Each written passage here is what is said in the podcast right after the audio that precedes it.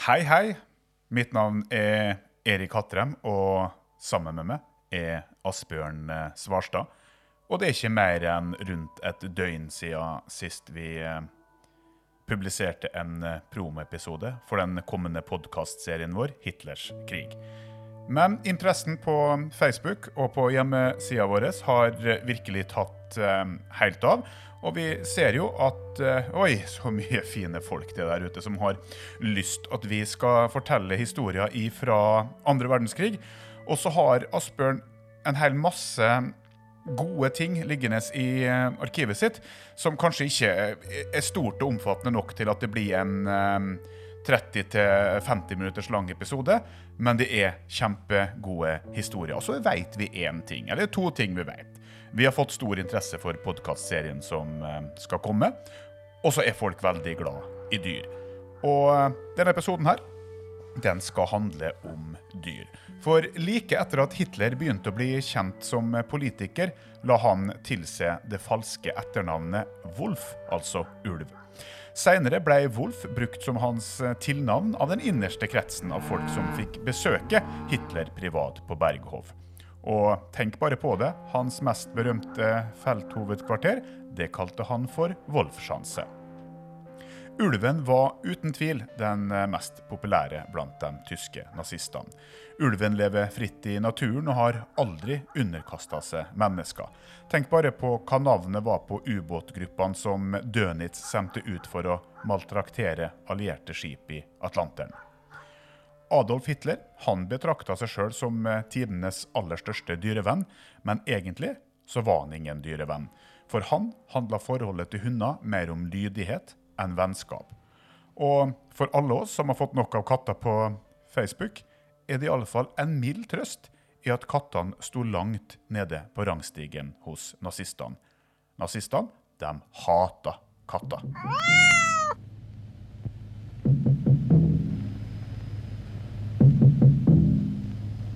Dette er London.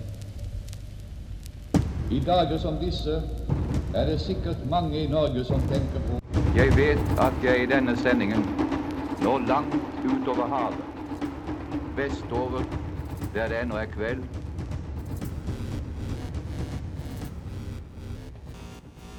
Også i dyreriket måtte det herske orden hva raser og renhet angikk for de tyske nazistene. De betraktet ulv og hjort som spesielt høyverdige individer i den germanske naturen. Katter derimot ble ansett som dyrelivets jøder. Såpass. Eh, ganske sterke beskyldninger det der, Asbjørn, men det er ikke dine egne påstander, det her? Slik lyder oppsummeringen fra den tyske forfatteren og journalisten Jan Monhaupt i boka oversatt til norsk 'Dyr i nasjonalsosialismen', som kom ut her for et par uker siden og har fått en god del oppmerksomhet i tyske medier. Men der som her, så er det vel den gjengse oppfatning at eh, Adolf Hitler eh, var mannen som cyanidforgifta bikkja si når det gikk mot slutten? Adolf Hitler betraktet seg selv som tidenes største dyrevenn, sier Monhab til meg. Men eh, egentlig var han slett ingen dyrevenn, fortsetter han. For ham handlet forholdet til hunder mer om, mer om lydighet enn om vennskap. Hitler foraktet f.eks. For dakkelhunder, som var altfor selvstendige og derfor ikke lot seg dressere. Så tommelfingerregelen var at dyret skulle høre etter? Det skulle ikke være noe spinnvill, rasende, ukontrollerbar ilder? Nei, da skulle det mye heller være en ekte tysk schæfer, forklarer forfatteren mens vi sitter her og sludrer over en kopp kaffe. Ulven var det absolutt mest populære dyret blant de tyske nazistene. Den hadde rykte på seg for å leve fritt i naturen og, i motsetning til hundene, aldri ha underkastet seg menneskene og latt seg sivilisere og dressere. Like etter at Hitler begynte å bli kjent som politiker, la han seg til det falske etternavnet Wolf, altså ulv, Senere ble Wolf brukt som hans tilnavn av den innerste kretsen av folk som fikk eh, besøke Hitler privat på Berghof. Wolf var også det etternavnet som han eh, tvang sin lillesøster Paula til å ta i 1936, og som Paula brukte til eh, langt utpå 50-tallet. Flesteparten av Hitlers ulike felthovedkvarterer slik som Wolfs slukt og Wolfs sjanse, hadde navn som begynte på ulv. Og for at ingen skulle være i tvil om at ulven står øverst på nazistenes rangliste, uttalte propagandaminister Josef Goebbels rett før riksdagsvalget i 1928 at vi kommer som fiender. Som ulver kommer vi til å bryte inn i saueflokken. Og det gjorde de. Den siste ulven i Tyskland ble skutt i 1904, og senere var det bare snakk om et og annet eksemplar som forvirret seg over eh, fra de polske skogene. Likevel ble det skrevet inn i loven at det var forbudt å jakte på den, altså en gummiparagraf for å narre folk til å tro på mytene om nazister som ekstra dyrevennlige. De tyske bøndene skulle bare ha visst at sterke krefter i Berlin arbeidet for å få satt ut ulv i tyske skoger, slik som de mente at det må ha vært i den opprinnelige germanske villmarka. Ulv dreper aldri mer enn den kan spise, og ulven hindrer hjortestammene i å bli for store, het det. Men slik så nok ikke de tyske bøndene på saken, i hvert fall ikke sauebøndene. Men det ble heller aldri noe aktuelt problem.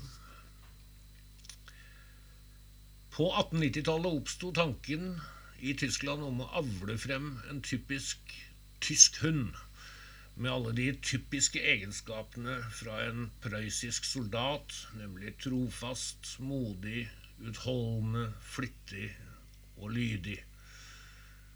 Og knapt ti år senere var prototypen klar en 60 cm høy skapning, bred over skuldrene, kraftig bygget og med et aggressivt vesen.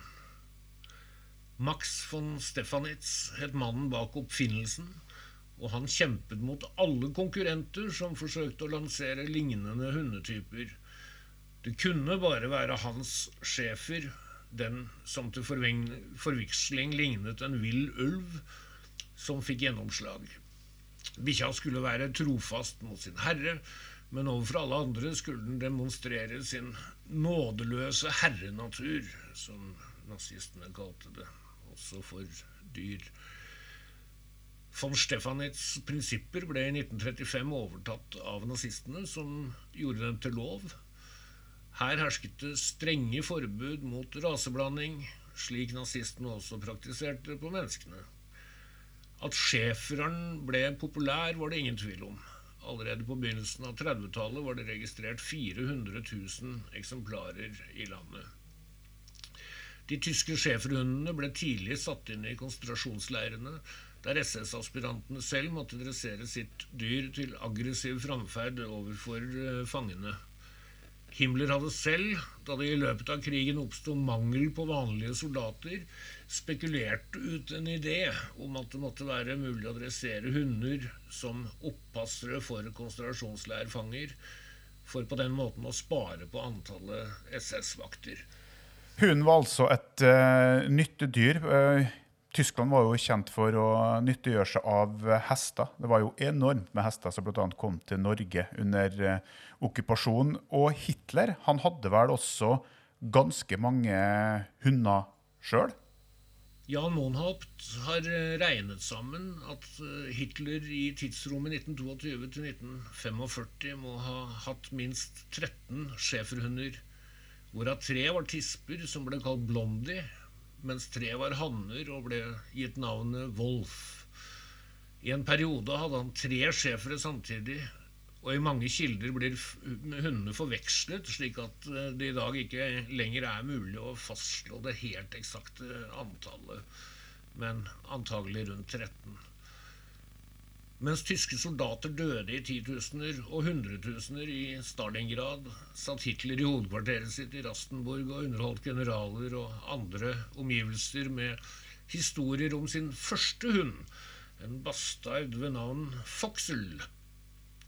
Den kom en dag under den, andre, under den første verdenskrig løpende over fra engelsk side av fronten, og ble hos Adolf i to år til en julidag i 1917 da noen stjal den fra ham. Han var utrøstelig, for ingen hadde vært mer trofast enn Foxel. Selv 25 år senere var han opptatt av å finne ut hvem tyven kunne ha vært. Kjæresten hans, elskerinnen hans, forloveden hans, hva hun var, hans eh, kone fra den 30. april i hvert fall, 1945. Eva Braun var sjalu på Adolfs eh, schæferhunder. Når eh, Blondie hadde sneket seg under bordet før eh, folka satte seg, så hendte det at hun ubemerket sparket til den så den skrek. Noe som fikk Adolf Hitler til å rase fordi at bikkja ikke oppførte seg som han ville. og vi vet jo alle hvordan det går med dem som eh, ikke gjør som Adolf Hitler ville. I 1939 døde både Muck og Blondie. Mistenkelig nok. Muck eh, var eh, den helt sorte schæferhunden hans, og et dyr som nok sto Hitler nærmere enn alle de andre schæferne han hadde hatt. Han sørget dypt og erklærte at han aldri mer ville ha en hund. Men da han i 1941-42 var sterkt nedfor pga. den negative utviklingen i krigen mot Sovjetunionen, skal det ha vært Martin Bormann som kom på å skaffe ham en ny schæfer for å muntre opp sjefen, som de sa. Og den siste Blondie ble en stor suksess. Dyret fikk sove ved siden av der Führers seng og var dypt hatet av de fleste som hadde daglig kontakt med Hitler. Han reagerte nemlig sjalu hvis bikkja reagerte på andre enn ham selv. Det gikk f.eks. utover kirurgen eh, og generalen Ferdinand eh, Sauerbruch, som eh, var innkalt til møte i Wolfschanze han ble vist inn på et kontor og fikk beskjed om å vente på Hitler. Da døra gikk opp, så kom det inn ei diger bikkje som uh, glefset og hoppet opp uh, på ham. Sauerbruch hadde peiling på hunder, så han tok det rolig og fikk uh, beroliget Blondie, så den satte seg ned. Og da Hitler kom inn, så fikk han da se Blondie, som ga labb til general Sauerbruch, og han ble rasende. Hitler skrek 'Hva har du gjort med bikkja mi?' og la til 'Du har gjort det eneste vesenet som er trofast mot meg, utro!' Og så brølte han at 'Jeg må se å få bikkja skutt'. Dette var sommeren 1942, og en litt sjokkert eh, Sauerbruch eh, skrev om det i erindringene sine etter krigen, han også. Hitler skiftet nok mening, for uh, ikke noe tyder på at det var en Blondie som mistet livet på det aktuelle tidspunktet sommeren 1942. I stedet fortsatte Hitler å underholde gjestene sine med å vise fram Blondie når han selv jodlet lavt, så begynte Blondie å hyle, og det var stor suksess. Denne mannen hadde peiling på bikkjer.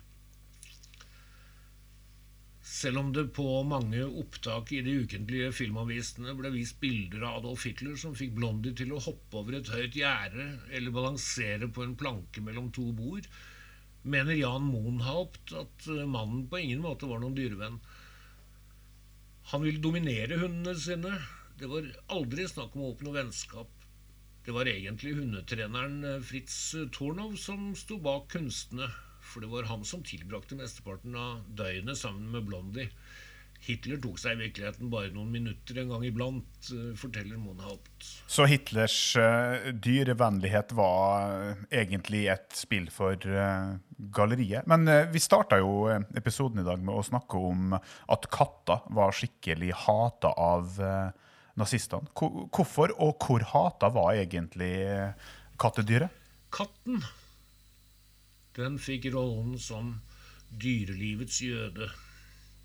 Nazistene mente at dyret egentlig var innført fra Nord-Afrika, og at det derfor utgjøre, utgjorde et orientalsk fremmedlegeme i den tyske kulturen. Katten er eh, troløs, svikfull, og den underkaster seg aldri noen menneskelig herre. Den er rett og slett forræderisk i sitt vesen, og derfor må den utryddes. I nazistenes eh, dyrevernbestemmelser ble det åpnet for avliving av alle katter som var truffet på på fremmedmanns eiendom, og det ble drevet et storstilt opplegg for å samle inn og avlive dem. Minst to millioner katter skal ha blitt utryddet i løpet av de første årene som Hitler satt ved makten. Etter at rasebestemmelsene for mennesker var innført i landet, ble det også forbud, forbudt for jødiske husstander å ha katt. Det ble ikke gitt noen forklaring, men årsaken var kynisk.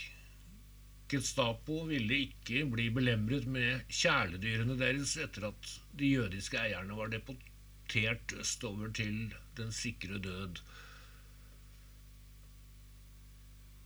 Løven var imidlertid et kattedyr som falt i smak. I hvert fall hos uh, nummer to-mann og luftvaffelsjef uh, Herman Gøring. Helt i stil med den romerske keiser Cæsar, det store forbildet hans, holdt han seg med en egen løveunge på godset Karinhall nord for Berlin. Den het alltid Mukki og fulgte gjerne etter sin herre når Gøring mottok uh, høytstående gjester eller mens han spekulerte rundt i huset og på eiendommen for øvrig. Når dyret nærmet seg ett år og begynte å bli stort, og derfor farlig for omgivelsene, ble den hentet tilbake til Berlin Zoo og erstattet med en liten og søt løveunge.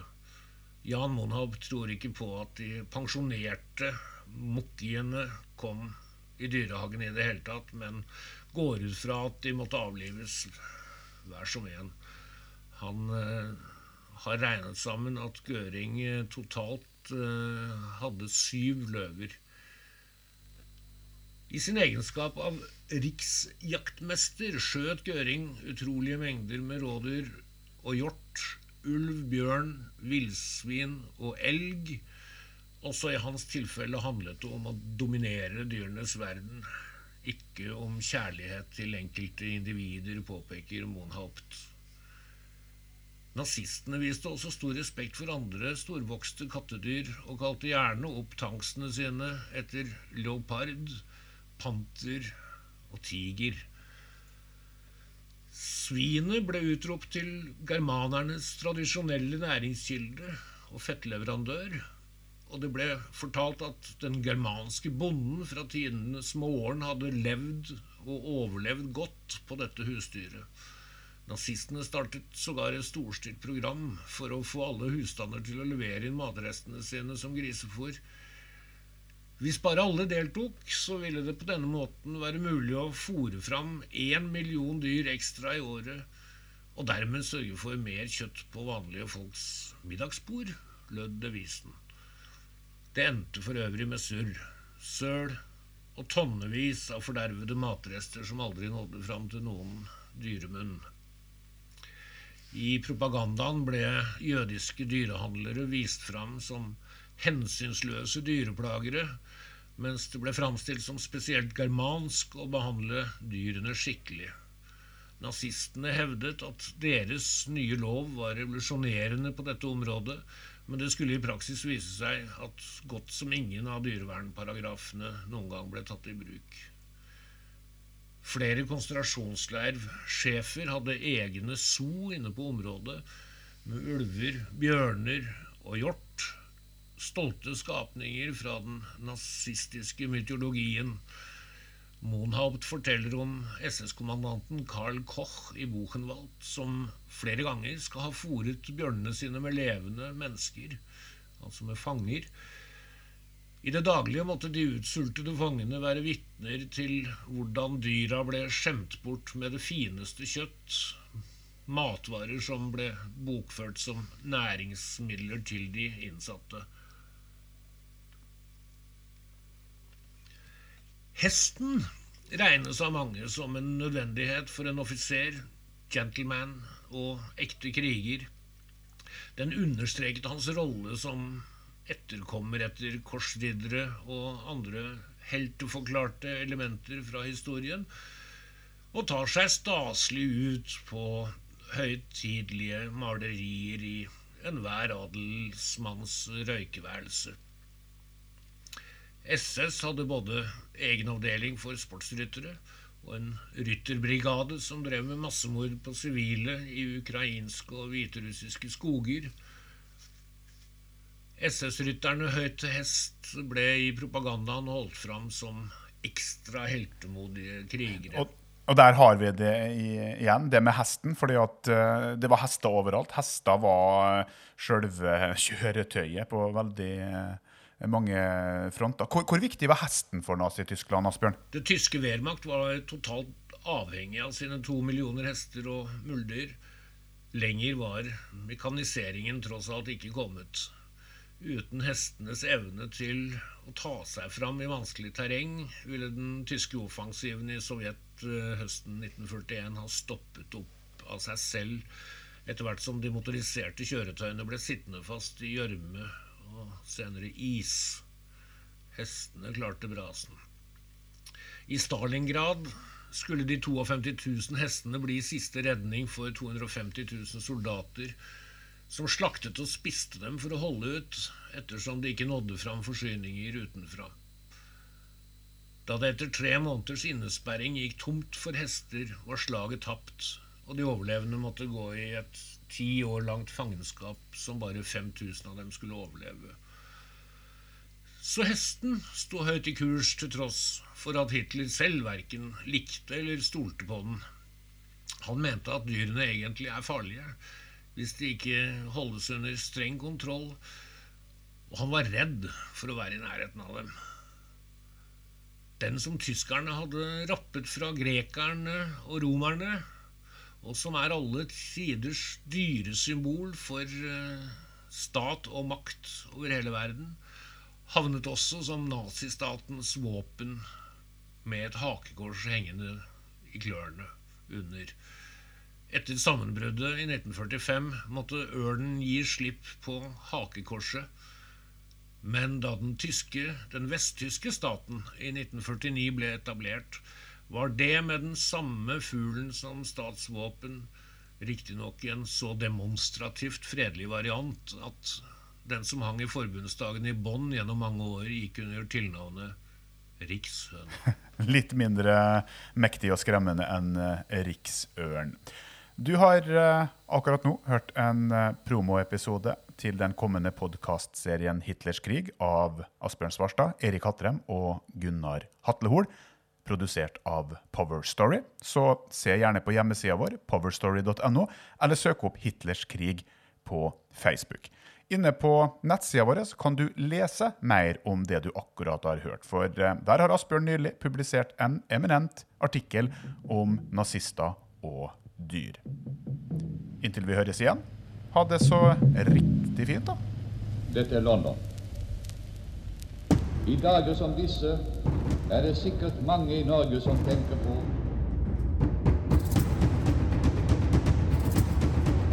Jeg vet at jeg i denne sendingen når langt utover havet, vestover der det ennå er kveld,